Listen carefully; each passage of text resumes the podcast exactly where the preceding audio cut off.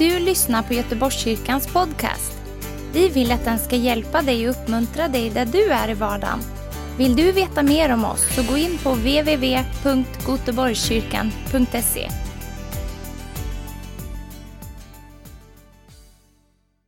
vårt eget hem.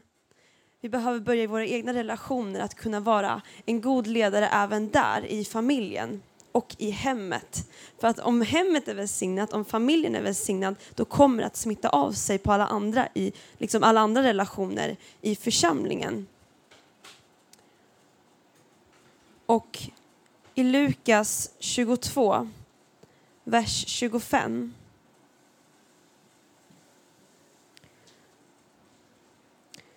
så säger Jesus så här. Folkens kungar uppträder som herrar över sina landsmän och det som har makten kallar sig folkets välgörare. Men så ska ni inte handla, utan den störste bland er ska vara som den yngste och den som är ledare ska vara som tjänaren.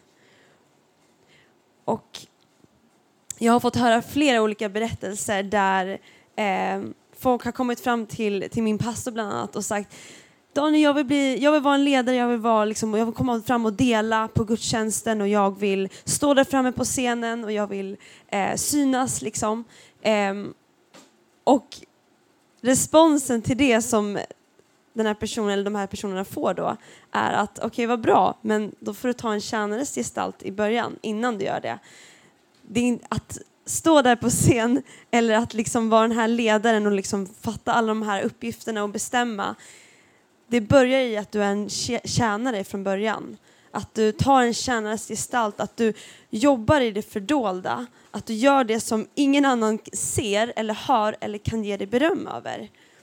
För likt Jesus gjorde i våra liv, liksom innan, när han kom till jorden, han är ju kungars kund, men han tog ju en tjänares gestalt och han kom som ett barn i, liksom, till Betlehem för att liksom, visa på hur en ödmjuk ledare ska vara.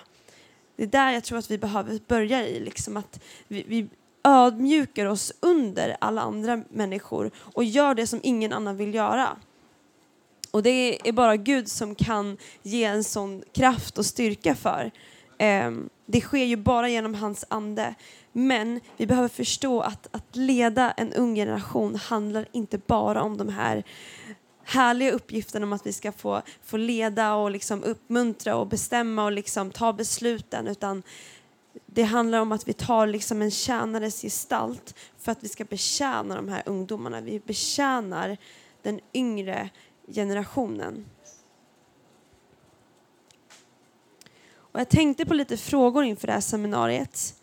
Dels, vad får ungdomar att följa en ledare? Och för mig personligen, vad som har fått mig att vilja följa en ledare och följa min pastor är att han har fått eh, den här förmågan att kunna få med alla i flocken. Alla får i flocken är med. Och det kan ske på ett jätteenkelt sätt. Att man dels liksom läser Bibeln tillsammans och att vi går laget runt så att alla får dela någonting. Eller att vi, eh, vi säger liksom, ja men säg efter mig, liksom, att alla ska få vara med och del, delta under eh, undervisningen gör så mycket när du liksom leder en ung generation. Att alla får, alla får, får känna att de är behövda och sedda och liksom blir använda. Och en annan sak som jag tänkte, en annan fråga, liksom, vilket ledarskap, alltså vilka kvaliteter och egenskaper och karaktär behövs för dagens eh, kristna ungdomar? Och som jag nämnt tidigare så behöver vi liksom ta en, en tjänares gestalt men jag tror också det är så viktigt att vi som ledare är sårbara och öppna med även våra misstag och hur vi inte alltid lyckas eller att vi faktiskt gör misstag ibland, att vi har brister. För den yngre generationen, det kan jag faktiskt vittna om, det är så, man tänker alltid att en ledare är liksom så perfekt och ska ha, ha allting på plats redan. Men det är, vi, vi har ju brister vi också. Och därför tror jag det är så viktigt att vi liksom faktiskt som, en ung, den, som ung människa så är det så viktigt för mig att ha en ledare som är så ärlig med att så här, jag har gjort fel och att han är så snabb med det också. Att så förlåt mig, jag, förlåt för att jag gjorde det här, förlåt för att jag kanske sa det där på ett sätt som du uppfattade fel eller att liksom, du är sårbar för den unga generationen när du är liksom, antingen om du undervisar eller liksom att du har fått ett fel beslut liksom i gruppen så är det så viktigt att du faktiskt är, är sårbar. Och hur kristna ledare kan hjälpa ungdomar ut i sina gåvor och andens gåvor och sin kallelse och att kunna växa i sin tron det är genom att utmana de unga. Och det kan jag se i, av en egen erfarenhet att redan i tidig ålder så blev jag utmanad att gå ut på gatorna och följa med eh, för att vittna med människor och evangelisera. Och det började faktiskt i att liksom jag följde bara med liksom någon äldre person som bara visade vägen. Att jag, jag behövde inte dela någonting själv utan jag följde med och fick se hur det går till att liksom, ja, men evangelisera eller prata med människor, hur man har en konversation med människor. Men jag blev utmanad på det sättet, även fast inte jag kanske ville just där och då, så var det liksom att nej men vi som grupp gör det här. Det här är vi som, ungdomsgruppen liksom ska iväg nu och åka, för att, åka till en annan stad och åka till en plats för att få dela Jesus men vi, vi tvingar oss inte på ungdomar utan vi försöker liksom att så här, uppmuntra dem och leda dem att kom igen, häng med. Du behöver inte säga någonting själv, du behöver inte göra någonting själv utan du kan bara hänga med och så ser du hur det ser ut. Att det inte är så svårt egentligen. Som att liksom de ska kunna gå ut i sin kallelse eller kunna utmanas i sina gåvor och se vilka gåvor som de har. Då behöver de utmanas i det. Och det behöver praktiseras. Till exempel att, för det är en hårfin balans tror jag, mellan att inspirera och att tvinga sig på.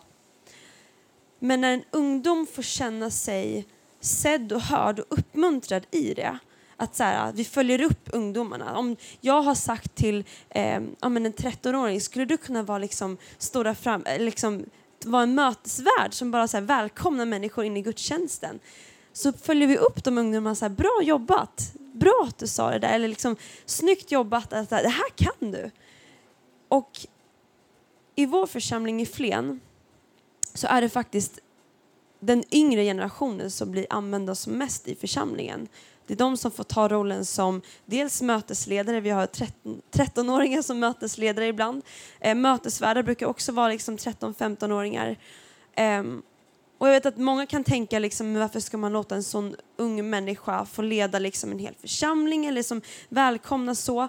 Eh, men att vi som församling vi har överseende att okay, det, de är inte perfekta. Det, är inte, det, är liksom, det går inte alltid jättebra i början, man är nervös.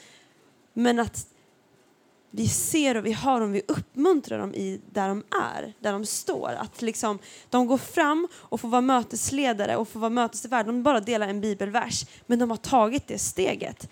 För sen så blir det inte lika tufft och jobbigt sen att kunna gå ut som det som äldre. Liksom. Um, för det känner jag nu när jag har blivit utmanad att liksom, av min pastor att få liksom, ja, men dels gå ut eh, och liksom dela, dela evangeliet och bara följa med andra ungdomar så har jag blivit så här, nej men nu känner jag mig klar, nu vill jag liksom själv gå ut och nu vill jag själv prata liksom, nu vill jag själv dela. Eh, och det är samma sak med, med predikan liksom, jag har varit en, och jag är fortfarande en person som inte gillar att prata framför människor. Eh, jag är väldigt så här, människoskygg och har scenskräck. Eh, men att liksom min ledare fångade upp den gåvan när jag fick dela på ett litet ungdomsmöte bara ett, en bibelvers och han såg den gåvan i mig att Becka, du har en gåva av att få dela med andra människor. Um, och dels har jag väl kanske levt lite i förnekelse i det, att liksom jag vill inte inse att jag, jag har en sån gåva för att jag tycker det är jobbigt liksom. Men att ju mer liksom min ledare har sett och uppmuntrat mig så har jag vågat ta mer och mer steg ut i den kallelsen och den gåvan. Och jag hade aldrig, verkligen aldrig kunnat göra det om inte min ledare hade uppmuntrat mig i det. Och det är så viktigt tror jag. Vi kan inte liksom se alla, alla ungdomar som en, liksom en flock bara, utan vi behöver se dem som individer och uppmuntra dem i även små saker. Liksom.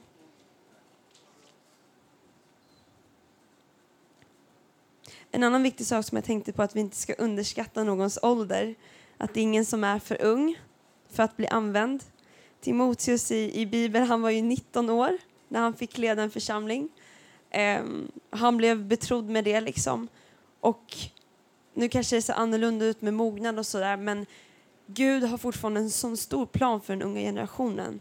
Och vi som äldre behöver verkligen se den, de unga. Vi behöver ha en stor förväntan i dem och vi behöver tro på dem. Vi behöver hoppas på dem att så här, du kan det här.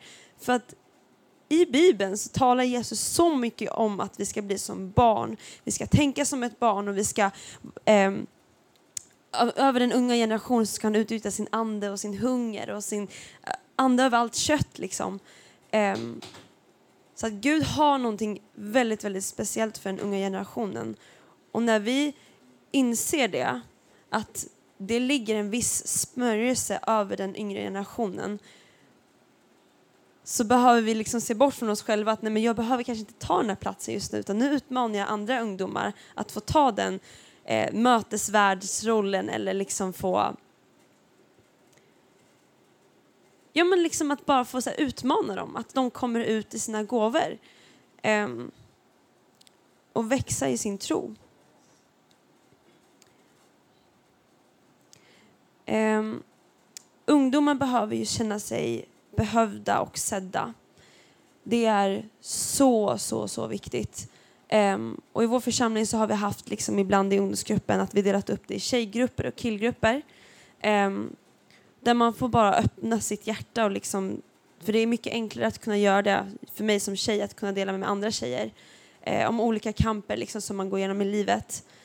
Att det är, det, det är så viktigt att vi ser och vi hör ungdomarna. Att vi inte bara liksom tar för givet att nej men, eh, de är så unga eh, att nej men de kan inte just nu. De får vänta. Vi avvaktar lite grann tills de blir lite äldre. Kommer upp i 18 års ålder eller någonting. Det är inte där Gud har, det var inte menat för Gud liksom. Från första början så var liksom, han vill använda tioåringar, yngre än det till och med. De har sån smörjelse över sina liv, att de, för att de har sån, sån tro som ett barn. Um, så att ibland känns det som att det är till och med enklare för dem att kunna be för någon person och tro med ett helande och ett mirakel än vad det är för en vuxen eh, att tro om det. Liksom. För att vi, det, det, här tvivlet och liksom, vi, vi hindrar oss själva så mycket som vuxna. Och därför är det så viktigt att kanske typ även i förbönen ta med även en ungdom att kom vara med och be för den här personen eller kom vara med och liksom bara stå med. Du behöver inte ens säga någonting men bara stå med liksom.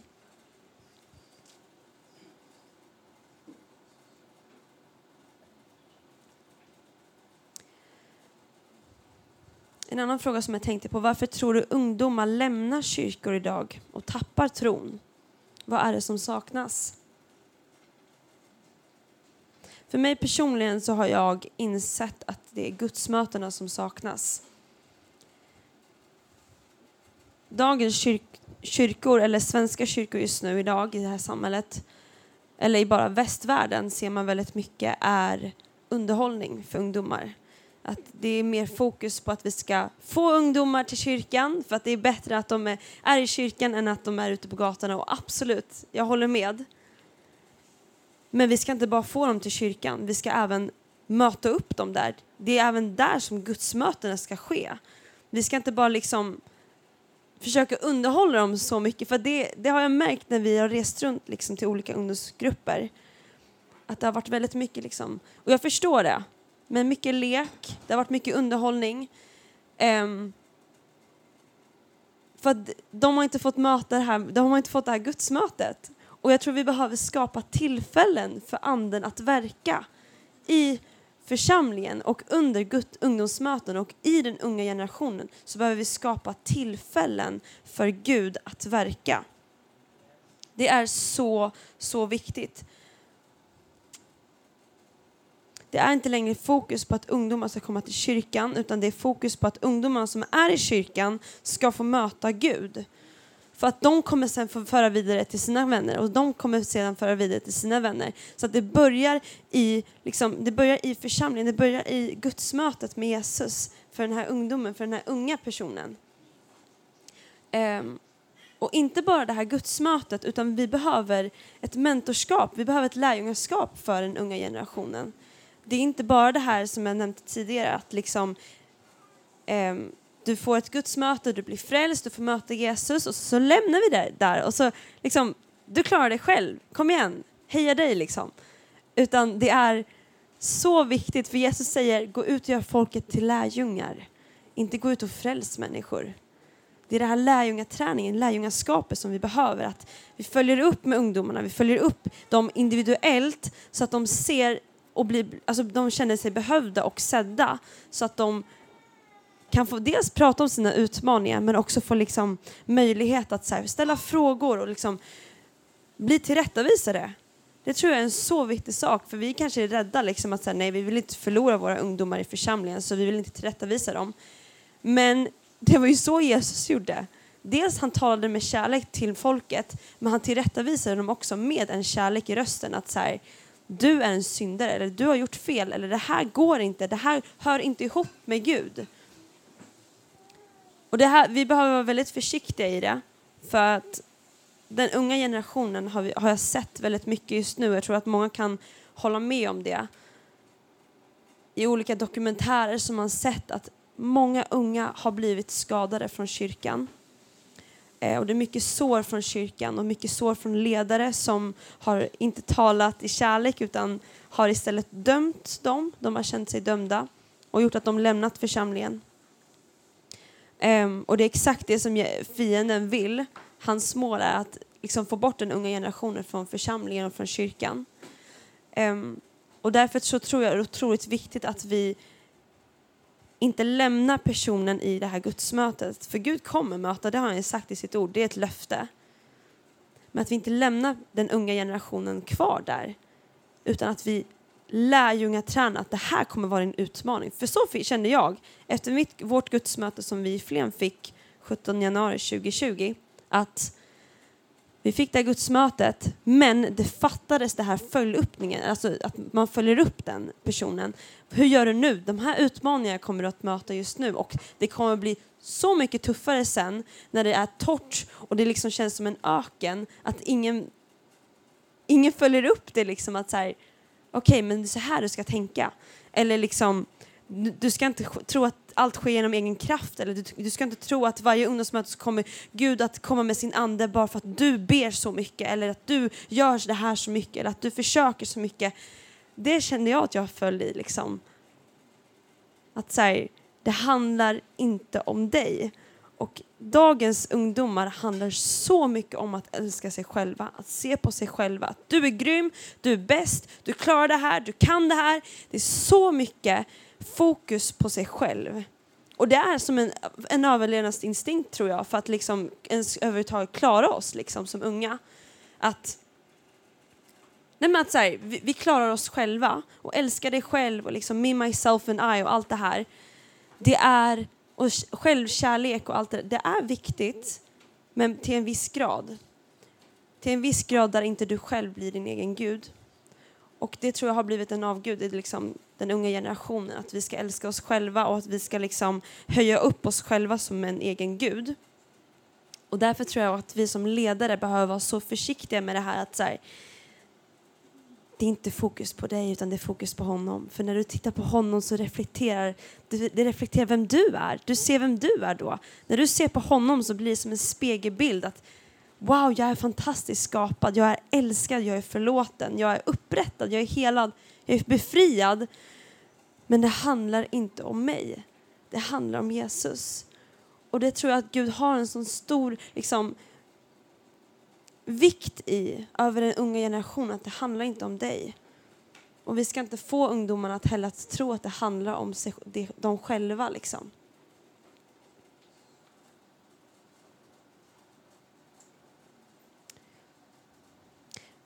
En ledare måste visa gott föredöme. Att innan du ber någon annan om hjälp, att kan du göra det här? Ge någon annan en uppgift så behöver du ta den, själv, den uppgiften själv. Du behöver anamma det själv. Eh, du behöver, vara, som jag sa, nam, nämnt tidigare, ta en tjänares gestalt för att själv liksom göra saker i det fördolda. För att kanske... Eh, ingen aning, men min första tanke bara var så här, ta disken efter ett ungdomsmöte. när vi fikat. Ta, var den ledaren som tar disken. Eller liksom kom en timme innan och förbered liksom mötet. Eller, alltså, så att de, ungdomarna ser att okej, okay, min ledare, det är inte bara han som bara ger massa uppgifter till mig och jag ska göra allting, utan han är den som själv gör allt. Alltså verkligen försöker och ödmjukar sig och är under alla andra att nej men det handlar inte om mig, det handlar om att jag ska betjäna er. Det är det verkligen det handlar om. Jag ska betjäna er. Det är en ledare för en ung generation, som jag tror Gud har för den här unga generationen. Vi ska betjäna dem. Och sen ska Gud få göra sitt verk i dem, för hur han vill att det ska vara.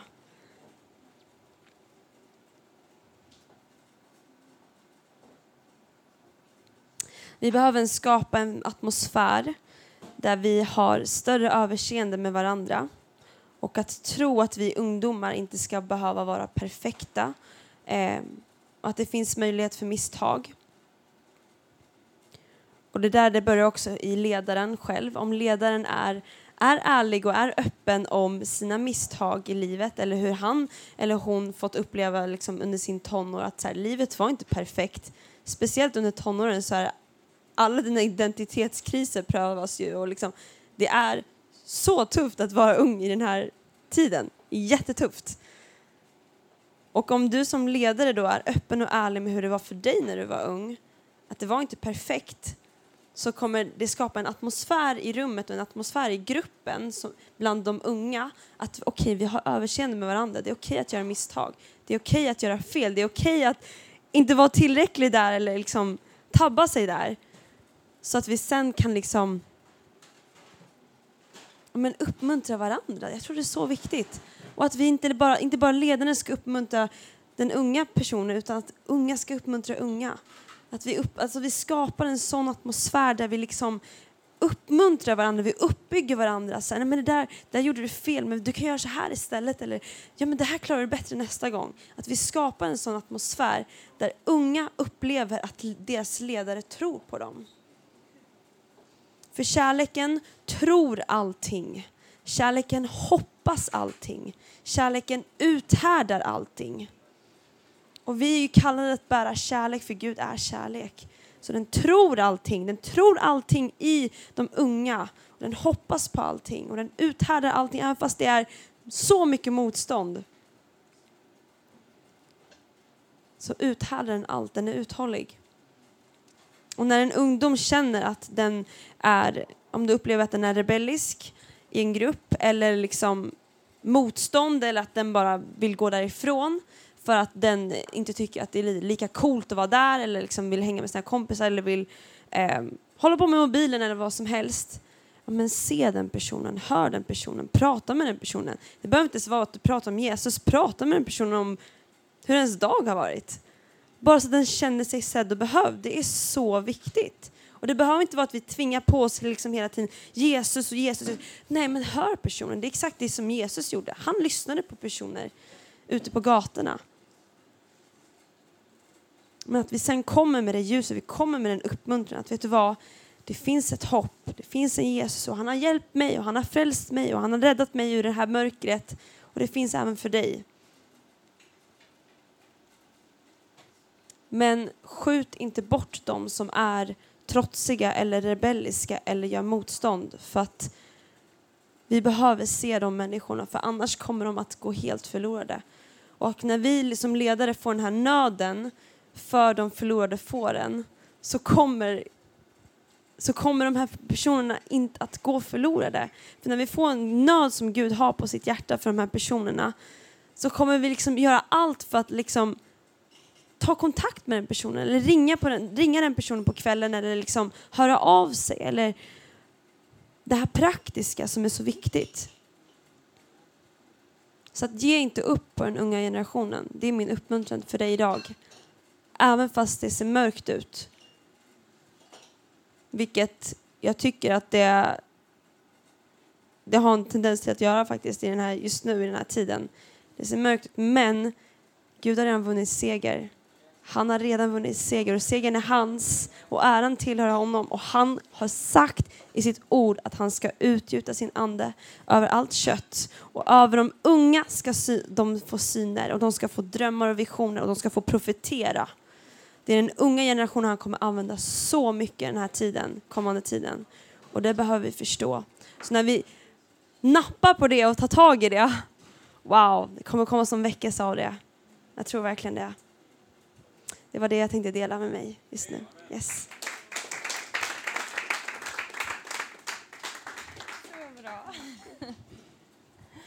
Wow, vad bra det här var. Eller hur? Så fyllt av Guds ande. Så otroligt hjärtligt. Tack, Rebecka. Det tog mer än en kvart. Fantastiskt bra gjort. Eh, jag kommer fortsätta på det här spåret om att, eh, om att dela för den unga generationen. Jag vet ju vad det betyder för mig själv. Ja, jag stänger av den här lite. Eller?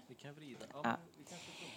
Jag vet ju vad det betyder för mig själv att få möta Gud när jag var ung. Och jag tror att vi alla här har fått möta Gud en eller flera gånger. Och det betyder oerhört mycket. Eh, alla unga som vi möter kommer från olika bakgrunder. De ni i Mellerud som betjänar många familjer, de har ju väldigt olika bakgrunder misstänker jag. Olika nationaliteter. Eh, jag själv växte upp i en svensk familj där den utåt sett perfekta kristna familjen. Mamma var söndagsskollärare, pappa var sångledare, farfar var pastor i Mellerud när jag var liten, i pingst där. Eh, vi liksom utåt sett såg ut som att vi var en perfekt kristen, fin familj. Men innanför husväggarna så var det kaos. Och jag tror att många människor visar upp en sån bild idag av att allt är så perfekt. Och när man ser de unga här igår, alltså förlåt att jag gråter, jag är känslig för de unga när man ser att de unga får möta Gud, då, alltså, då brister mitt hjärta av glädje.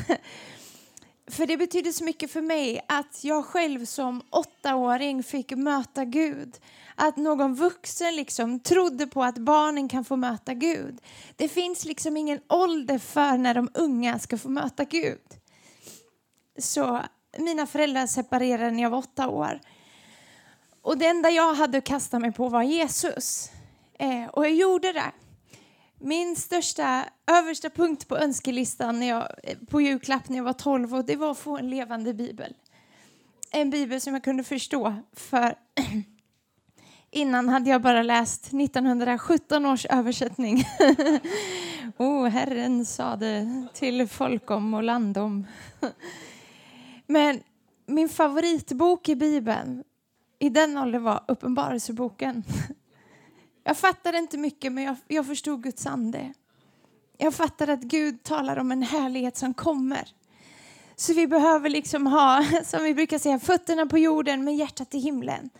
Och tro att, att de unga generationen kan få koppla med himlen, med Guds rike som Samuel delar så starkt om. När när jag var åtta år så, så jag radade upp liksom mina gosedjur på sängen och, och predikade för dem. För jag ville, liksom, jag ville få ut Jesus. Jag kunde liksom inte bara ha Jesus för mig själv. Liksom. Det var bråk och det var gap och det var skrik och, och hemma. Och pappa drack alkohol där han, de separerade och bodde. Och eh, fysiskt sett liksom, i, i mitt liv var det verkligen kaos. Men när jag fick rada upp mina gosedjur och predika om Jesus så hände någonting i mitt hjärta. Därför att Jesus kom in i rummet. Så många gånger upplevde jag hur Jesus liksom kom och berörde mitt hjärta. Och när jag ser min lilla tjej som är åtta år idag, att man kanske inte uttrycker så mycket när man är barn. Men eh, igår, i natt eller igår gjorde jag, jag vet inte jag ska säga ett misstag, men mina två yngsta tjejer, Celine och Estelle som är åtta och eh, tio. Jag lät dem sova hos min syster i natt så de fick åka dit i, igår eftermiddag. Och så förstod inte jag, de vädjade till mamma varför måste vi sova här, vi vill ju vara med på konferensen. Och jag tänker att jag skulle liksom låta dem få vila lite. Och, och idag säger de när jag hämtar mamma, vi har ju missat två möten nu. Och jag bara, men va? Jag trodde ni skulle tycka det var mysigt att få vila lite, äta godis. De bara, men vi vill ju vara med. Alltså, jag, jag, man förstår liksom inte. Barnen kanske inte står längst fram och lovsjunger, men de upplever hela atmosfären. De upplever Gud. Ända sedan våra barn var små så har vi ju åkt till Mellerud. inte massor av gånger, men flera gånger. Så våra barn pratar alltid om David och hönorna. För de vet att de blir alltid så mottagna där. Det är inte det att David bara liksom predikar för dem, men han visar sån kärlek till dem. Så de bara älskar att komma dit, till den platsen. För de upplever att det finns en sån kärleksfull atmosfär. Och det är det unga människor behöver, en kärleksfull atmosfär. Igår kom min äldsta dotter springande. Mamma, David och hönorna är här. Han har hönor hemma. Så det är liksom favoritsysslan att gå ut och mata hönorna på morgonen när vi har sovit där. Och jag tar det som exempel för att det betyder så mycket att David har visat så mycket kärlek och Pernilla och Alice, och, nej inte Pernilla, Pia förlåt, och Alice och dem, att våra barn får komma till en plats där människor älskar dem. Och det är det allting handlar om när vi möter unga. Att de får komma till en plats där någon älskar dem. Inte bara med ord, utan i handling. Att ta med dem ut och mata hönorna, göra dem glada, göra dem lyckliga. För vet du vad som händer då? De öppnar sina hjärtan. Våra barn har öppnat sina hjärtan för familjen Svensson. Och det, men de är ingen vanlig Svensson-familj, en fantastisk familj. eh, så eh, evangelium till de, han, eh, till de unga handlar om att ge dem ett budskap om glädje. Men budskapet är inte bara ord. För unga så är det så mycket handling. Vi, vi körde hem barn till vi la oss halv två i natt. Vi körde hem de här unga. Och jag tänker liksom, wow, vi som är lite äldre än dem nu, inte så mycket, men lite äldre än dem. Hur ska vi orka nästa dag? Men, men Gud bara ge kraft. Och, och det är också olika säsonger, olika perioder. Man kan bära ett jättetungt lass för en tid. Men det behöver också finnas tid för vila. För att jobba med unga människor, det är alltid, vill du ha en punkt så skriv, det är alltid ett pris att betala. Det är inte ett bekvämt liv. Ni som har haft bebisar och småbarn vet det. Spyr och bajs och pruttar och allt vad det är. Det är inte alltid ett bekvämt liv. Det är, det är bråk och det är tjafs även liksom med, med kyrkbarn. Jag vet inte hur det är i Mellerud, men här är det Fick lösa lite grejer igår. Men, men vi bara älskar att ha barnen med. Vi älskar att de ska få vara en plats där Gud verkar. Så jag vill bara ställa en fråga till dig. Vad får det kosta dig att leda och träna andra människor? Hur mycket är vi beredda att betala för att följa det uppdraget i tid och ekonomi? Det hjälper inte oss om vi liksom har bara, om jag har två sidor med fint budskap här om hur vi ska göra med de unga om vi inte är beredda att betala priset. För det är ett pris att betala att jobba med den unga generationen. Jag jobbar som familjepastor här med fokus på åldern 0 till 20 och lovsång och lite annat. Ni vet hur det är, man gör mycket eller lite olika områden. Men vad får det kosta oss? Är det, liksom, det är ju inte bara en anställning eller något sånt som gör. Det är inte det som driver oss. Den volontära delen, de flesta människor jobbar volontärt i kyrkor. Vi har våra vanliga jobb, vi har våra vanliga liv. Men vad får det kosta oss? Och, och, bara liksom den här grejen vi pratar om, eh, jag pratade med några 11-åringar som jag körde hem i natt. Det här om aktiviteter, vad svårt det är när aktiviteterna börjar komma på söndagar. Ja, men då är det matcher, då är det uppvisningar, då är det tävlingar. Jag tror att Gud behöver kristna människor i alla sammanhang. Men, men gudstjänsten måste vi också hålla så högt. Det kanske finns vissa avvikelser, det är inte det jag säger. Men gudstjänsten är den platsen då vi kommer samman flera generationer. Då vi som äldre har möjlighet att ge barnen en plats bland flera generationer. Det är ett större och ett högre perspektiv än att bara jobba med det lilla barnet. Och så tänker jag så här att även när du jobbar så är du inte den enda, så allt ansvaret hänger inte på dig. Jag tänker så här, även om jag är ansvarig för arbetet med barn här i församlingen så tänker jag att det här hade jag aldrig fixat själv. Inte bara liksom medledarna utan församlingen. Kristi kropp, församlingen lovsången, pastorer, eh, deltagare i gudstjänsten som står och lyfter sina händer mot Gud. När de ser tonåringarna lyfta sina händer så får de förebilder. De är inte anställda för att stå och lyfta händerna framför dem så att barnen ska bli peppade. Eller hur? De gör för att de ser andra gå före. Så vi kallar det att gå före. Eh, och, och Rebecka var inne på det här att ge inte upp om människor som Gud har talat om. Ge evangelium. Stå med barn och unga tonåringar i processer. För att en del tar det lite längre tid. Jag, har haft, jag jobbar som mellanstadielärare också på kristna skolan. Men det är liksom alla är liksom inte andefyllda barn där om man säger så. Det är en salig blandning av allt möjligt.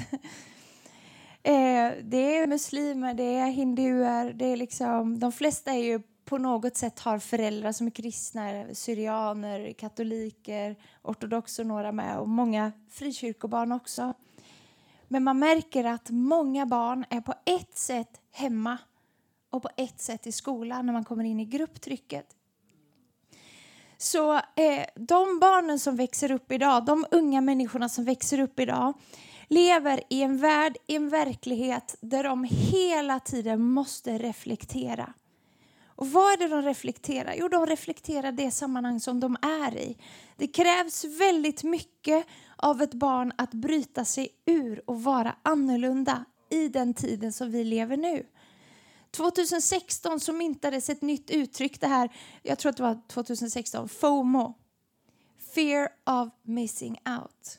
Man är rädd att någonting annat ska dyka upp. Man vågar inte överlåta sig. Jag vet inte, jag kanske kommer på ungdomsmötet. Om inget annat bättre, om det inte blir någon filmkväll eller liksom vi ska ut och ströga eller vad det nu kan vara. Epan är liksom laddad och fulltankad så vi får se om vi hinner till ungdomsmötet. Barn och unga behöver få tidigt möta Gud och förstå att Gud älskar dem. Det handlar så mycket om identitet, som Rebecka var inne på också. Att förstå hur mycket Gud älskar dem. Jag brinner så oerhört mycket för att stå med människor som har det svårt. Säkert för att jag varit med mycket själv sedan jag var liten. Och jag vet vad det betydde att människor tog sig tid med mig. Att jag fick bli helad, att jag fick bli tränad, att jag fick bli läkt. Det fortsätter hela livet att vi behöver bli tränade och läkta. Jag minns en kille som jag satt och pratade med på en, en, en fritidsgård en gång för flera år sedan. Jag bara upplevde att jag skulle gå fram och prata med honom, berätta om Jesus. Och han säger, jag vill ha det där. Jag bara, va? Bara sådär? Jag, liksom, jag har inte predikat färdigt än. Han bara, jag vill ha det där. Okej. Okay. Och jag bara, ja. Så vi tog våra händer och bad. Och så märker jag hur Gud kommer över honom. Och han var inte så bra på svenska. Så jag bara, hur känns det, den här klassiska frågan? Han bara, det är, det är, du vet, du vet, du vet Maria, det är ett sån, eh, åh oh, jag är mycket glad, är det glädje? Det ordet är det, det ordet är det. Så att han så här, när Gud kommer till människor så gör han människor glad, glada. Han ger en ny glädje. Är det någonting som många människor brottas med så är det psykisk ohälsa. Även i kristenheten, vi kan liksom inte blunda för det. Vi kan inte bara tänka att oh, det finns så mycket psykisk ohälsa i vårt samhälle utanför kyrkan. Det finns i kyrkan också. Hur närvarande Gud är så finns det unga människor som brottas med tuffa tankar. Vem är jag? Jag sitter ofta i samtal med, med mina elever. Vem är jag? Jag vet inte ens om jag är tjej eller kille, kommer en och säger till mig. Jag vill inte att du går ut med det. Jättesvåra samtal, vad säger man då? Jo, men jag ser att du är en tjej. Det är inte alltid så lätt. Vi kan inte alltid bara komma. Vi kan be att Gud lägger sin kärlek på insidan. Våra ord är för fattiga ibland. Så vi behöver Guds ande av vishet. När jag, när jag, jag har ju en sexa som jag sa. På morgonen så får vi möjlighet att ge tio minuter morgonsamling. Och på de tio minuterna så kan jag välja att läsa något fint, gudfruktigt. Eller så kan jag välja att bara ge dem Jesus. Jag väljer alltid att ge dem Jesus. Så den här klassen, de är liksom inte andedöpta, de har inte räckt upp pennan på frälsning och allting, men de är väldigt hungriga. Jag vill liksom inte glorifiera någonting, utan det, det tar tid också för människor. Men när jag frågar dem, ska vi göra en popcornbön? Ja, säger de. Jag tycker de det är jätteroligt. Tack Jesus för solpop. Det är förortsungar jag har. Fantastiska.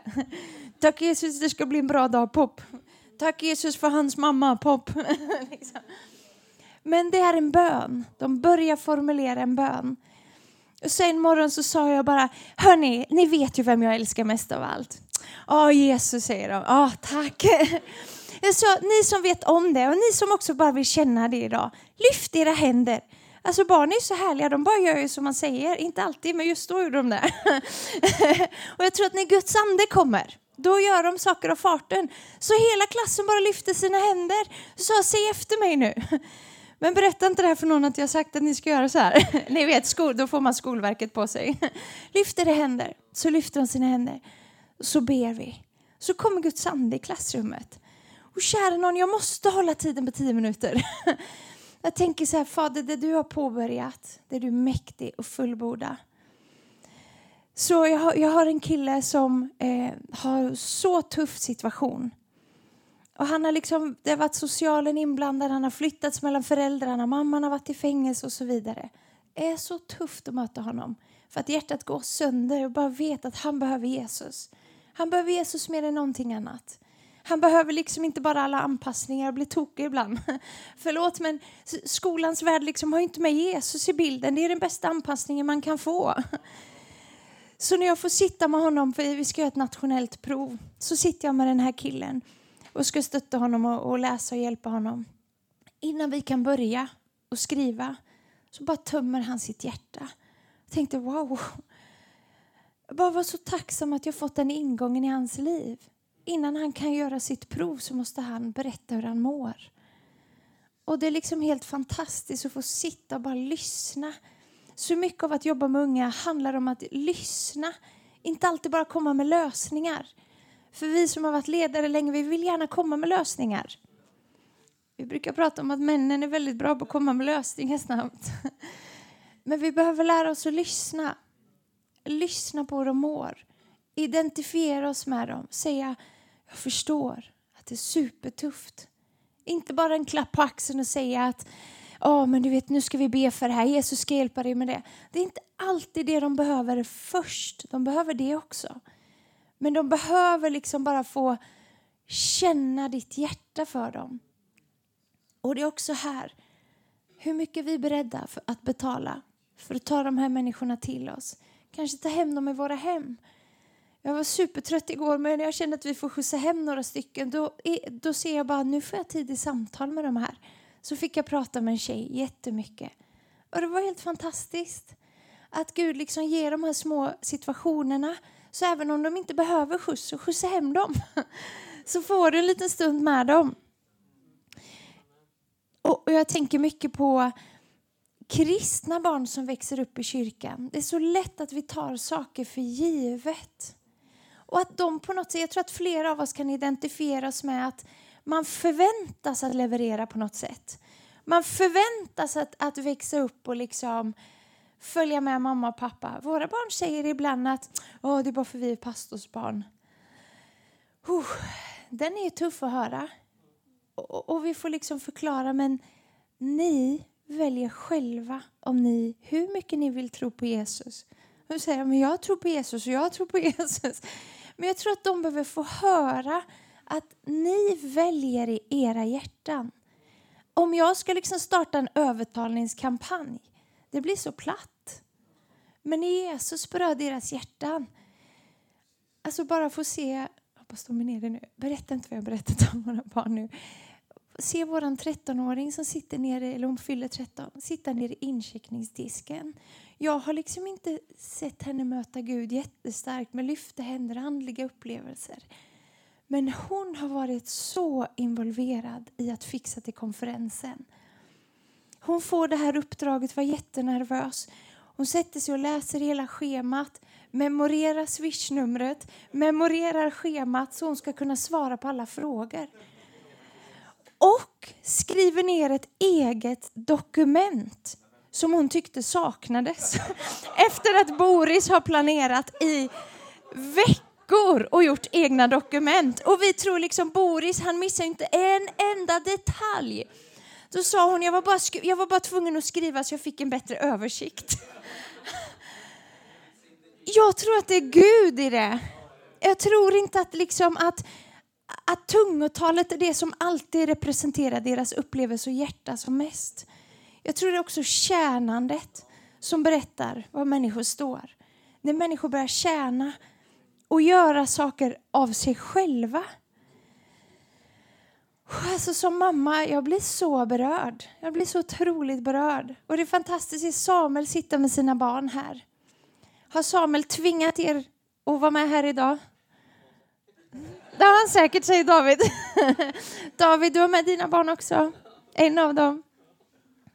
Vi har ju fått se era barn växa upp också. Se vilken fantastisk frukt det är. Men jag tror inte det varit lätt att vara pastorsbarn alltid. Jag tror inte alltid det är lätt att vara barn till ledare. Så vi som är ledare behöver också andra människor som steppar in. Vi är inte alltid de som kan tala in i barnen bäst. Vi gör det också naturligtvis. Huvudansvaret ligger på oss att träna barnen som våra lärjungar. Men vi behöver alla er andra när vi kommer till Mellerud så vet vi att barnen blir påverkade av det som finns där. Vi ser det som en del av våra barns fostran. Sen ska vi bara lita på den helige Ande. När vi pratar om att en tolvåring sitter där nere så tror jag att vi, precis som Rebecka säger, att vi ska ge unga människor förtroende och ansvar. När jag slutade söndagsskolan när jag var 12 år så blev jag söndagsskollärare direkt. Då, då kunde jag så mycket om alla berättelser om Jona och allt och Rödluvan och vargen och nej jag skojar. så, jag, så jag blev söndagsskollärare direkt. Eh, för att jag älskade Gud. Jag tänkte så här, jag tyckte det var för tråkigt att bara sitta uppe i gudstjänster för jag tyckte de var så stela. Så jag ville vara med och göra en skillnad. Och jag hade ju själv fått uppleva Jesus. Så jag hade ansvar för egen grupp när jag var 12 år. Och jag tycker det är så härligt när jag ser våra tonåringar. Vi har en tjej som är 17 år som gick med i mitt söndagsskoleteam när hon var 12 år. Så fort hon gick ur sexan och började i sjuan. Idag är hon med och leder ett eget team och har varit så överlåten hela tiden. Och Det är en sån stor glädje att få följa någon i utvecklingen också under flera år och se dem steppa upp. Men de är, när de är 12 år och börjar leda, då är de fortfarande 12 år. Så vi kan inte släppa taget. Vi kan inte bara skicka ut dem att ta alla smällar själva. Vi måste gå med dem. Hands-on som vi brukar säga här, hands in. Vi håller in våra händer mot dem. Vi går med dem tillsammans tills de får börja ta sina egna steg. Eh. Och sen bara räkna med att vi får vara profetiska i vårt sätt att träna lärjungar. Profetiska i våra egna liv. Inte bara mot barnen utan i vårt övriga liv. Liksom. Jag bad till Gud igår vid, på, på nattmötet här så var ett gäng som... Jag kände att Gud bara drog min uppmärksamhet till några grabbar där inne. Och visst, jag kände liksom inte nu har du grönt ljus att gå och tala med dem. Så sa heligande, Ge mig ett ord så går jag direkt. Och det tog en stund, jag fick inget ord. Jag sa det igen, Gud. Jag bad för några andra och Guds ande kom över dem. De bara stod och grät, några elvaåringar. Fantastiskt. Men min uppmärksamhet drogs ändå till de här grabbarna. Jag gick och ställde mig i lovsjung sa igen, Gud ge mig ett ord så går jag direkt. Då hörde den heliga, den heliga ande säga, gå så ska du få ett ord. Jag bara, okej, okay, så du vill vända på det? Det kändes lite mer scary. Man vill gärna ha fått någonting först för att våga gå. Och så gick jag till de här killarna. Så säger jag bara att jag upplever att Gud säger till er att ni inte kallar det att sitta på avbytarbänken. Och vad jag inte visste var att det här gänget spelar hockey. Så, så får jag bara dela det här om att, att Gud vill använda er. Och, och det var liksom, jag blev lite full i skratt. Han bara, ja, jag tränar professionell hockey i Italien och jag går på där gymnasiet någonstans och tränar hockey och jag är utlånad dit. Så här. Tänk sig, Gud är så fantastisk. Han vill, han vill leda oss när vi steppar ut i det okända. Vi måste sluta tänka att vi ska leva ett bekvämt andligt liv. Vi kan inte bara gå på säkra kort. Tänk så här att var profetisk, för det, det, det, är liksom ett sånt verktyg, det är en sån styrka och kraft. När vi är trötta så sviker inte det profetiska. För det profetiska ordet blir liksom inte trött. Guds ande blir inte trött på att tala genom oss. Så min fråga till dig idag det är hur vill du steppa upp som ledare och förebild? Jag vill steppa upp idag. Jag vill inte vara densamma fortfarande. Jag vill att den här konferensen ska göra någonting i mitt liv så att jag steppar upp en nivå till. Precis som jag sa i morse så vill jag inte bara konservera, liksom, bevara. Liksom, nu bygger vi e-, e-, ett hus, en koja här och förblir i härligheten. Vad vill du göra av det här som Gud har fått, gett dig? Du ska inte sitta på avbytarbänken. Vi är inte på det här seminariet för att bara plocka på oss mer information. Vi är här för att Gud vill göra någonting av det. Kan inte vi bara ställa oss upp där vi står? Tack Jesus. Unga människor behöver verkligen få se att Gud verkligen vill tala till dem och röra vid, vid, deras hjärtan. De behöver få se förlåtelsen. De behöver få inte bara bli bedömda utifrån våra perspektiv. De behöver få vuxna som står med i deras processer under flera år i medgång, i motgång. Så Jesus, vi bara ber Fader att du leder oss som är här inne och bara jobbar med unga, Herre. Att vi får ge det vidare, Herre, att det får bli ringa på vattnet, Jesus. Att vi får träna människor, men inte bara ha så mycket fokus på att vara coacher, utan också dela hjärtan, Herre. Att bli berörda i våra hjärtan av deras liv, av deras livssituation, Herre. Av deras brottningskamp, av deras frågor som verkar kanske naiva och, och liksom banala. Men tack Fader att du vill rätta ut frågetecken till utropstecken i barns liv, Herre. Tack att vi ska tåla mod och se när vi ska finnas var på rätt plats i rätt tid, Herre. Och jag tackar dig Fader Herre. Jag ber särskilt för Mellerud som är så många här idag. Som varje vecka jobbar med så många unga människor. Ska vi bara lyfta våra händer mot Mellerudarna. Tack Jesus för att du vill göra någonting nytt där Herre.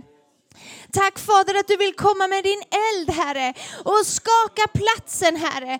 Tack Jesus att de ska få se, se unga barn ta emot dig på ett nytt sätt Herre. Tack att de ska få se din smörjelse och ande på, på samlingarna Herre. Tack att de ska få se din härlighet komma över dem Jesus. Och vi bara prisar dig för det Herre. Tack att de bara själva ska få, få, få välja sina hjärtan. Att du utmanar dem Herre, vilket pris ska de betala för att bara stå med unga Jesus? Ni ska inte vara rädda för när smörjelsen kommer till samlingarna. Ni ska inte vara rädda för när, när kraften kommer över vad barnen ska tycka och tänka, vad föräldrarna. För de går in i en kyrka, föräldrarna vet att de skickar dem till en kyrka. Och i en kyrka så ingår hela paketet. Tack Jesus Herre för en starkare smörjelse. Tack för den förebild som Mellerudan är för oss Herre. Sån inspiration Herre. Att bara fortsätta jobba uthålligt Herre. Så kärleksfullt mot den unga generationen Herre. Och jag bara tackar dig Jesus Herre.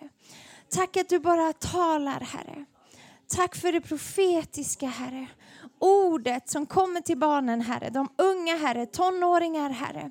Tack att de ska få se liv som vänds upp och ner, Herre. Tack för frälsningsböner, Herre. Tack för avgöranden, Jesus. Åh, halleluja, Jesus. Och den som tänker, ja men jag är inte den som profeterar eller, eller be med någon till frälsning. Tack Jesus att du bara leder den och säger, du kan göra det. Du kan be en bön. Du kan ställa frågan. Vill du ta emot Jesus? Vill du bli hans lärjunge? Vill du att Jesus ska få eh, bli Herre i ditt liv? Tacka dig för det, Herre.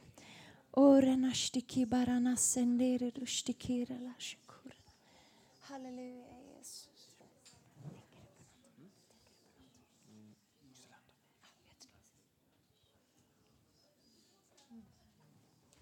Underbart. Bra, fantastiskt bra undervisning. Det här finns ju också inspelat eh, och eh, Rebecka och, Maria, ni är värda en, eh, en applåd. Och eh, härligt att få samarbeta på det sättet. Vi fick ju en, eh, en sån här undervisning från Mellerud-teamet för några veckor sedan som var helt eh, fantastisk den också. Och då när vi, vi, kan liksom dela och ge varandra på det sättet. Det är väldigt, väldigt uppmuntrande att vi har varandra. Så jag är extra tacksam till er i, i Mellerud för alla de åren vi har gjort det här och att ni kunde komma ett helt gäng idag också. Vi saknade er i, i, igår kväll. Så, nej, ni kom då? Ni kom sen, ja. Just det, men det var på... Ja, ja precis. Kommer i omgångar, i horder eller i, i hönsflockar. David och hönorna. Jag tänkte först att Maria menade att, att det var liksom församlingen. Men så,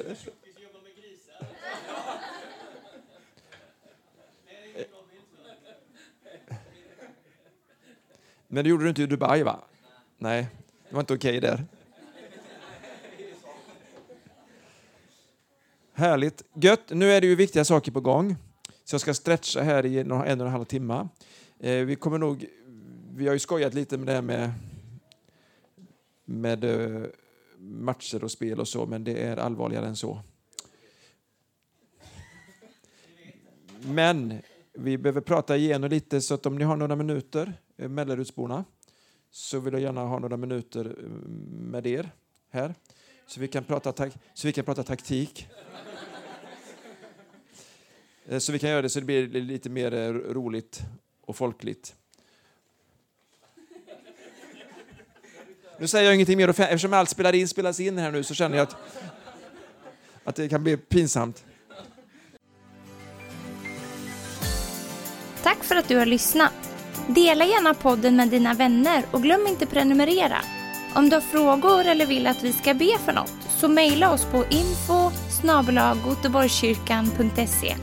På söndagar har vi veckans höjdpunkt. Då firar vi gudstjänst tillsammans och det vore så kul att träffa dig där. Men vi har även samlingar för barn då? Gå in på vår hemsida goteborgskyrkan.se så får du veta mer. Välkommen till oss!